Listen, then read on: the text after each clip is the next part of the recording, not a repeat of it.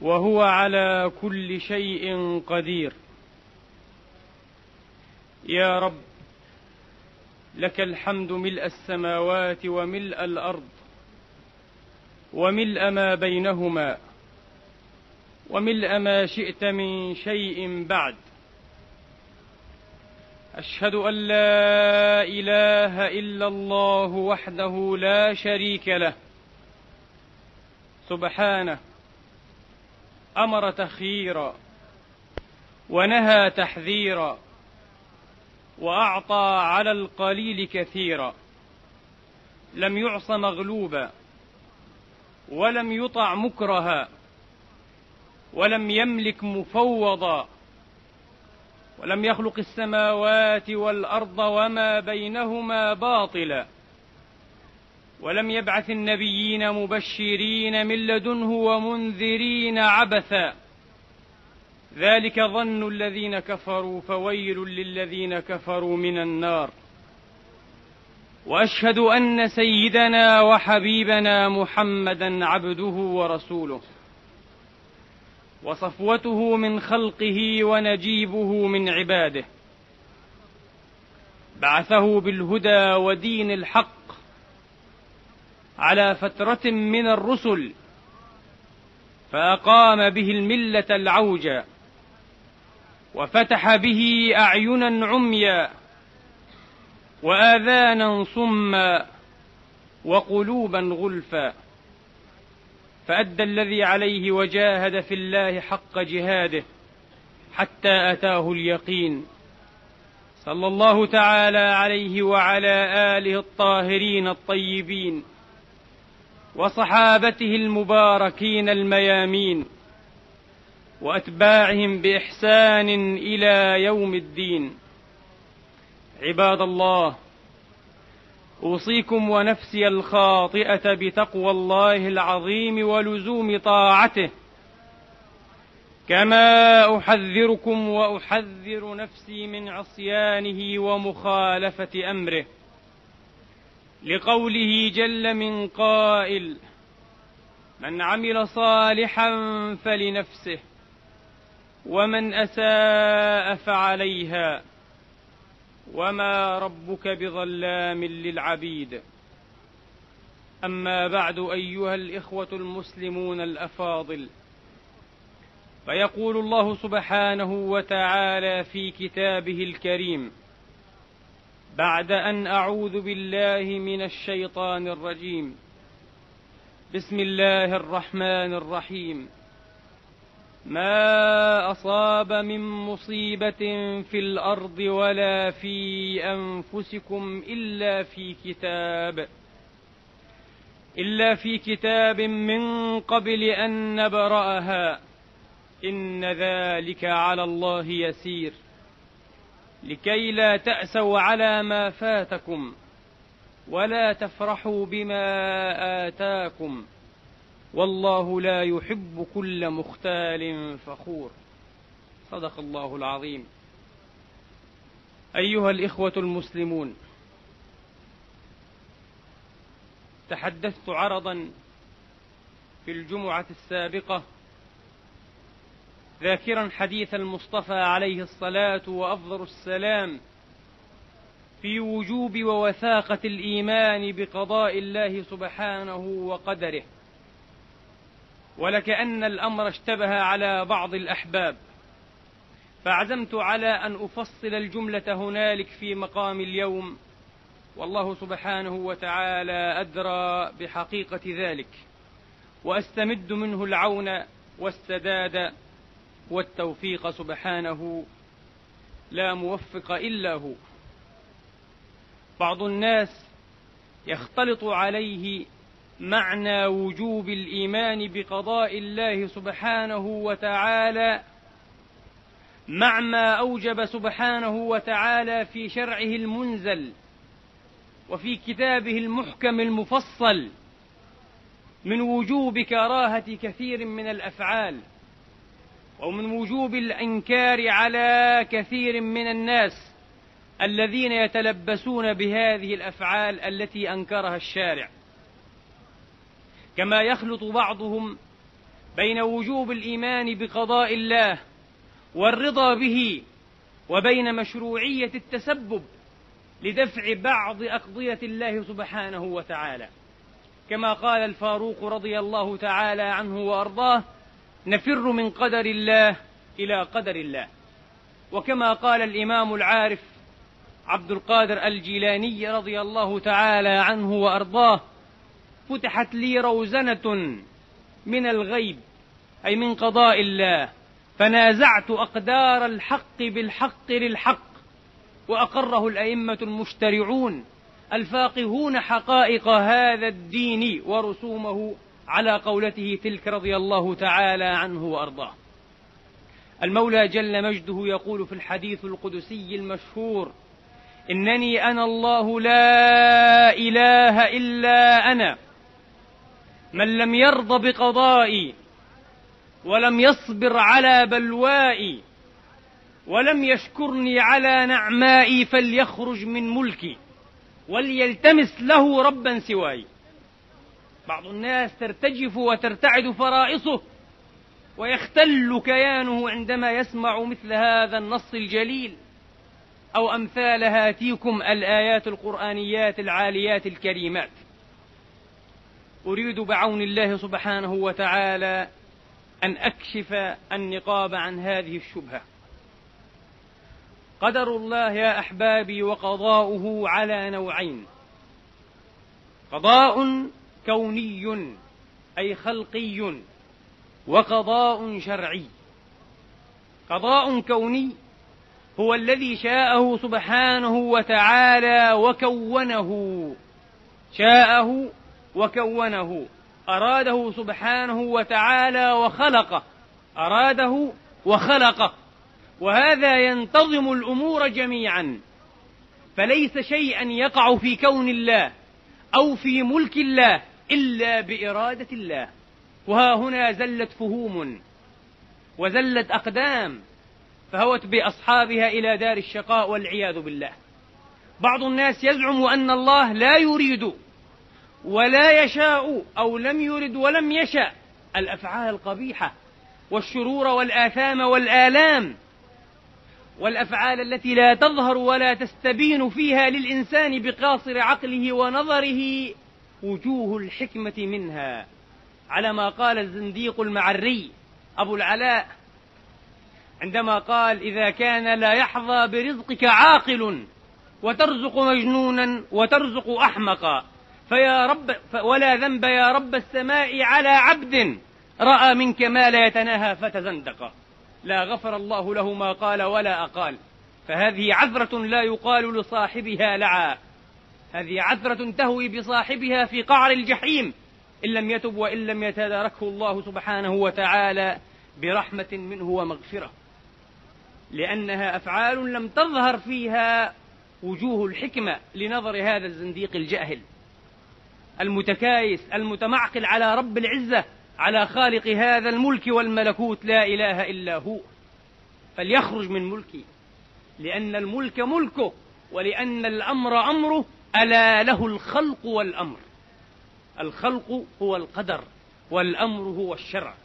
له الخلق وله الأمر سبحانه وتعالى. جاء رجل إلى خليفة رسول الله الأول أبي بكر الصديق رضي الله تعالى عنه وأرضاه. فسأله قال يا أبا بكر أرأيت الزنا بإرادة الله وقدره؟ أراده الله وقدره؟ قال نعم. لأنه لا يقع في ملكه شيء بغير طوعه وبغير إرادته سبحانه وتعالى. فقال أرأيته قدره علي ثم يعاقبني عليه؟ أرأيته قدره علي ثم يعاقبني عليه؟ وهذه شبهة الجهلة الذين ما ذاقوا ولا دروا ولا فهموا شيئا من شريعة الله. ولا صح اعتقادهم ساعة من نهار إلى يوم الناس هذا. لماذا قدره ولماذا كتبه ثم يعاقبون عليه فقال له والله يا ابن اللخناء لو كان إلى جانبي إنسان لأمرته أن يجع أنفك قم من عندي اعتبره مترددا متشككا ولم يحتمل صدر الصديق المليء إيمانا وحكمة أن يناقش هذا الرجل أو يدلي إليه بحجة لم يحتمل رضي الله تعالى عنه وأرضاه وقد قال عمر بن عبد العزيز كلمة كالفيصل في هذا الباب رحمة الله تعالى عليه قال لو أراد ألا يعصى لما خلق إبليس. إذا فهو عز وجل لا يعصى مغلوبا لا يعصى مغلوبا يعصى بإرادته. لكن هل يعصى بأمره؟ هل يحب أن يعصى؟ هل يرضى أن يعصى؟ ما يفعل الله بعذابكم إن شكرتم وآمنتم. ولا يرضى لعباده الكفر وإن تشكروا يرضه لكم. إذا لا يرضى هذه الأشياء. أريد أيضا أن أفصل هذه الجملة فهي دقيقة مستعصية. كيف يريد شيئا؟ وكيف يشاؤه؟ وكيف يكونه؟ ثم تقول إنه لا يرضى ولا يحبه ولا يأمر به. وإليك بيان الكشف. الإنسان ولله المثل الأعلى ونحن لا نضرب لربنا الأمثال وإنما نضرب لفهومنا الأمثال. فلله المثل الأعلى. الإنسان قد يريد شيئا لكنه لا يحبه. كيف؟ إذا علم المريض الذي أعضل به داؤه أن في هذا الدواء الشديد الكراهة أو الكراهية أن فيه شفاءه ألا يشربه؟ هو يشربه. إذا لا يحب شربه. لكنه يريده. إذا هو أراده وما أحبه وما رضيه. لهذه العلة. والإنسان العاقل يفضي بفعله إلى تعاطي أو تناول المكروهات الغير المبتغيات أو المرادات له بغلبة الظن أن فيها مصلحة. إذا غلب على ظنه أن في هذا الدواء شفاء له تناوله. ولا يحبه ولا يرضاه لكنه يريد أن يتناوله يريد أن يتناوله. فكيف بمن لا تخفى عليه العواقب لا إله إلا هو؟ إذا علم المريض الذي أصيب بتعفن أو إخماج في ساقه أو في بعض قدمه أن في قطعها سلامة لكل جسده ألا يقطعها؟ يقطعها. يحب قطعها؟ كلا. لا يحب قطعها ولكنه يريد أن تقطع. إذا الإنسان قد يريد الشيء ولا يحبه. وبيان أيضا هذه الجملة أن المرادات على قسمين. مراد من حيث ذاته ومراد لكونه وسيلة لا من حيث ذاته وسيلة تفضي إلى مراد. المرادات الأولى هي مرادات المقاصد مرادات المقاصد والغايات. تفعل الشيء وأنت تريد هذا الشيء لذاته. لكن تفعل الشيء ولا تريده لذاته. بل ربما تكرهه في ذاته. لكنك تريده لأنه وسيلة تفضي بك إلى شيء يراد لذاته. تفضي بك إلى شيء يراد لذاته. الله عز وجل ولا تسألوا لماذا أراد الأمر على هذا النحو. لأنه لا يسأل هنا عما يفعل. والسؤال دوري لا معنى له. ما هو السؤال؟ الله عز وجل أراد أن يبتلي عباده بالخير وبالشر بالآلام وبالعافية بالصحة وبالسقم بالغنى وبالفقر بالشباب وفي الهرم. أراد أن يبتليهم في جميع الأحوال والأشكال والطرائق. فاقتضت حكمته أن يخلق إبليس وهو عالم بما يؤول إليه أمر هذا اللعين لعنة الله تعالى عليه. فلا تقول لماذا إذا خلق إبليس؟ ولماذا أراد أن يبتلي العباد؟ هذا من سر القدر. أراد وكفى. أراد أن يبتلينا. أراد أو لم يرد أراد أن يبتلينا. فتوسل سبحانه وتعالى من حكيم مدبر عليم لهذا المراد لهذه الغاية بخلق الشرور. وعلى رأسها إبليس لعنة الله تعالى عليه. لكن لا تقول لماذا أراد أن يبتلينا. لأننا هكذا بأوصافنا آدميين بشريين من ماء وطين لا يصح فينا إلا الابتلاء. ولو أراد ألا يبتلينا لما صح السؤال لأن السؤال فيه تناقض داخلي. إذا لتوجب حالة إذ ألا يخلقنا كما نحن لتوجب أن يخلقنا خلقا آخر. يختلف عن هذا الإنسان. أو بعبارة واضحة لو أراد ألا يبتلينا لخلقنا ملائكة. لكن بما أننا مخلوقون بشرا فلا بد أن نبتلى. هكذا شاءت إرادته وهكذا شاءت حكمته سبحانه وتعالى. إذن المرادات مرادات كمقاصد وغايات ومرادات كوسائل وأسباب ووسائط فليس هذا من هذا ولا هذا من هذا. نأتي الآن إلى أقضية الله التي يحسن بالمسلم وبالمؤمن التسليم لها. والخضوع تحت قهرها وسلطانها. مواطن كثيرة مواطن كثيرة. واختلف العلماء في حكم الخضوع لها على قولين. قول الاستحباب وقول الوجوب. من قائل بالاستحباب ومن قائل بالوجوب والأظهر الوجوب بشكل عام. الأظهر الوجوب بشكل عام. ما هي هذه المواطن؟ هي الأقضية والأقدار الربانية الكونية أو الخلقية التي أوجدها الله وصرفها سبحانه وتعالى. وأجراها أو بعضها عليك يا أخي المسلم أو يا أخي الإنسان مما لا ي... مما لا يلائمك بل ينافرك كالآلام والفقر والمرض وربما التشوه الخلقي وما شاكل ذلك. هذه أشياء لا تلائم الإنسان تنافره. الإنسان لا يحبها ولا يتمناها لنفسه لكن الله أجراها عليه. ولا تندفع بحيلة. هنا يجب التسليم لها. هنا يجب الرضا بقضاء الله سبحانه وتعالى. بعض الجهل ساق له هذا يقع منا كثيرا للأسف الشديد. ساق له بعض الأكابر جراية من مأكول. فكان يقول أجراه سبحانه وتعالى على يده في آخر سني. في كبر عمري عندما لا, لا أستطيع أن أتناوله. أستغفر الله. يعترض على قضاء الله. أليس هذا في معنى قول العامة ما أجهلهم. يعطي الفول للذي ليس له أسنان أو القرط أو الحلق الذي ليس له آذان. وأستميحكم عذرا في سرد هذه الأمثال العامية الهزيلة. هزيلة في تركيبها وفي معناها. وهي أمثال كفرية والعياذ بالله. معناها كفر صراح. اعتراض على قضاء الله واعتراض على حكمة الله. الإيمان بقضاء الله سبحانه وتعالى وقدره أي الإيمان بالخلق له الخلق والأمر. يتضمن الإيمان بالحكمة. يتضمن الإيمان بالحكمة. وليس الشأن في الإيمان التسليم بأسماء هذه المسميات كما يفعل المبتدعة والزنادقة بل التسليم بحقائقها. فكون الله سبحانه وتعالى خالق هذه الأشياء موجد هذه التصاريف والأحوال والتقلبات والنوب والأدوار وإلى آخره والدول يعني أن فيها حكمة ما بعدها حكمة. ظهرت لنا أو خفيت على أكثرنا. ظهرت لبعضنا أو خفيت على أكثرنا. فالإيمان بالخلق الإيمان بالقدر يتضمن شرعا لزوما الإيمان بالحكمة. والإيمان بالشرع أي الإيمان بالأمر. له الخلق والأمر. الإيمان بالأمر أي الإيمان بالشرع أن الله شرع أوجب وحرم. وندب. وأباح وعفى سبحانه وتعالى ووضع. أي الحكم الوضعي يتضمن شرعا لزوما الإيمان بالأثوبة والأجزية الإيمان بالحشر الإيمان بالوعد والوعيد الإيمان بالوعد والوعيد. أي الأمرين نافذ على الآخر القدر أو الشرع؟ الشرع.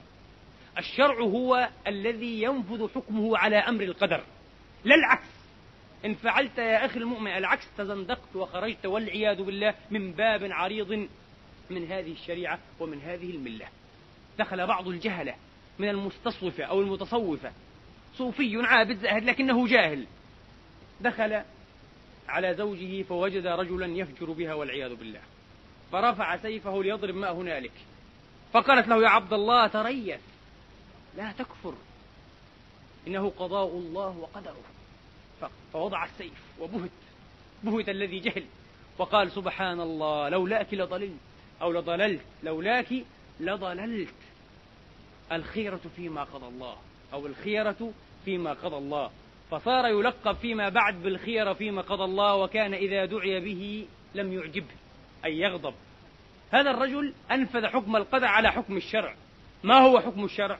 حرمة الزنا. حرم الله الزنا. لكن الزنا أمر قدري أو ليس قدريا؟ قدري. بإرادة الله بإرادة الله. بخلق الله ومشيئته وتكوينه. بخلق الله ومشيئته وتكوينه. هل أمر الله به شرعا؟ لا. قل إن الله لا يأمر بالفحشاء. أتقولون على الله ما لا تعلمون؟ لذا قال جاهلهم قال جاهلهم إن كنت عصيته سبحانه في أمره فأنا مطيع له في إرادته. هو ما أمرك أن تطيعه في إرادته على سبيل الجملة. أمرك أن تطيعه في مراداته التي أمر بها. وأحبها ورضيها شرعا. وأما مراداته وما شاءه وقدره وكونه وخلقه ولم يأمر به ولم يرضه ولا يحبه فينبغي عليك يا ولي الله يا عبد الله يا مسلم ألا تحبه وألا ترضى به. قال شيخ الإسلام ابن تيمية رضي الله تعالى عنه وأرضاه. ناقشت بعض شيوخ هؤلاء الزنادقة. فقال لي دع هذا عني أي دعني من اللوم فإن المحبة لها نار في القلب تحرق كل ما سوى مراد المحبوب والكون كله مراده فأي شيء أبغض في الكون كله مراد لله وأنا أريد ما أراد الله. تلبيس إبليس هذا هذه حجة شيطانية. فقال له شيخ الإسلام رضي الله تعالى عنه وأرضاه ولكن إذا كان المحبوب سبحانه وتعالى وجل جلاله قد أبغض وكره وسخط على بعض ما خلق وأراد وأحببته أنت ورضيت به وواليته أتكون عدوا لله أم حبيبا لله؟ قال فكأنما ألقم الحجر.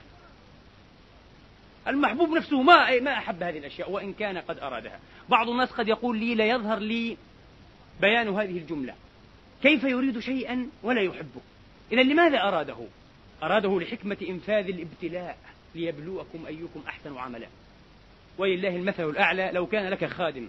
وهذا الخادم تعلم ولكن لا بسابق علم وإنما بمقتضى التجربة. أنه خائن غير أمين. لكن أردت أن تبتليه لكي توقع عليه العقاب أمام الناس وتعذر من نفسك. بعثت به إلى السوق وأطلقت يده في مالك دون أن تبعث في أثره رقيبا أو حسيبا. ثم بعد ذلك سرق أو انتهب بعض هذا المال وتبين بالحجة والحساب والبرهان خيانة هذا العبد. هذا الحكم أنه خائن. مراد لك أيها السيد أو غير مراد؟ مراد. أنت أردت أن تظهر هذا الحكم. أردته. لكن هل ترضاه من عبدك أو من ولدك؟ لا ترضى ولا تحبه ولم تأمره به. أليس كذلك؟ وأنت تعاقبه عليه. فالأمر على شاكلة أعظم وأدق في حق الله سبحانه وتعالى وله المثل الأعلى. أريد أن أقول إنها هنا مقامين. مقام الإيمان والنجاة والتوفيق. ومقام الهلكة والردى والضلال. مقام النجاة والهداية والتوفيق هو مقام من آمن بأقضية الله وقدره وأنها سائرة مستوعبة جميع التصاريف والكوائن والحوادث والمخلوقات والأشياء والمعاني في هذا الكون. ولكن كما قلت قبيل قليل بعضها مرضي لله فنحن نرضى مما أمر الله به وبعضها غير مرضي لله فنحن لا نرضاه ولا نتابع عليه ولا نوالي من فعله. والمقام الثاني مقام الهلك والضلال والعياذ بالله والحيرة. فهو مقام من آمن بهذه الأقضية والأقدار على سبيل الجملة والتفصيل واحتج بها على ذنبه على الله سبحانه وتعالى. كثير من الناس يحتج بالقدر على ذنبه على من يحتج على ربه سبحانه وتعالى. شيخهم إبليس أول شيخ هؤلاء الضلال إبليس عندما قال بما أغويتني احتج بماذا؟ احتج بالقدر. أنت الذي كتبت علي الغواية. فاحتج إيه؟ احتج على ربه بقدره هل التفت الله إليه؟ هل أقاله؟ هل أقامه؟ هل أنعشه؟ أبدا ملعون إلى أبد الآبدين وقد يقول قائل فها هو ذا أبونا آدم عليه الصلاة وأفضل السلام قد احتج بالقدر في الحديث الصحيح يقول عليه الصلاة وأفضل السلام لقي آدم أو لقي لقي آدم موسى أو لقي موسى آدم أستغفر الله فقال له يا أبانا يا آدم أنت خلقك الله عز وجل بيدي ونفخ فيك من روحي وأسكنك جنته. لماذا أخرجتنا ونفسك من الجنة؟ أي بالمعصية بالخطيئة. فقال له آدم عليه الصلاة وأفضل السلام وأنت يا موسى كليم الله ونجيه أنزل عليك التوراة مكتوبة بيده أي بخط القدرة واصطفاك لرسالاته وبكلامه. فبكم وجدت في التوراة وعصى آدم ربه فغوى قبل أن أخلق. قال بأربعين سنة. قال أفتلومني على أمر قدره الله علي قبل خلقي بأربعين سنة. أي كتبه. قال عليه الصلاة وأفضل السلام فحج آدم موسى فحج آدم موسى فحج آدم موسى. حجة بالغة. ثلث النبي تأكيدها أو توكيدها. قد يقول قائل فها هو ذا أبونا آدم احتج بالقدر. كلا. فرق كبير بين احتجاج آدم واحتجاج إبليس. آدم عليه السلام باء بذنبه. واعترف به ربنا ظلمنا أنفسنا. وإن لم تغفر لنا وترحمنا لنكونن من الخاسرين. فتلقى آدم من ربه كلمات فتاب عليه. إنه هو التواب الرحيم. تلقى كلمات التوبة والإنابة. باء بذنبه واعترف به وأقر. ثم بعد ذلك آنس نفسه بأنه مما قدره الله عز وجل عليه. هذا مشروع. لكن من لم يبؤ بذنبه ولم يعترف بجريرته وبخطيئته وجاء محتجا بقدر الله على الله في خصوص هذه الخطيئة أو هذا الذنب فهذا معاند لله من خصماء الله. وفي الحديث يؤتى يوم القيامة برجال فيقال أين خصماء الله؟ أتخاصم ربك؟ أو يخاصم الله عز وجل تحتج عليه بقدره؟ فيصار بهم إلى نار جهنم والعياذ بالله. ما أراني وفيت المقام بعض حقه. الكلام طويل الذيول في هذه المسألة بالذات. لكن أسأل الله عز وجل أن يكون قدر مبارك يسر الفهم وحسن الاعتقاد فيها قد وصل إلى أفهامكم. وجزاكم الله خيرا. أقول قولي هذا وأستغفر الله لي ولكم. فاستغفروه إنه غفور تواب رحيم.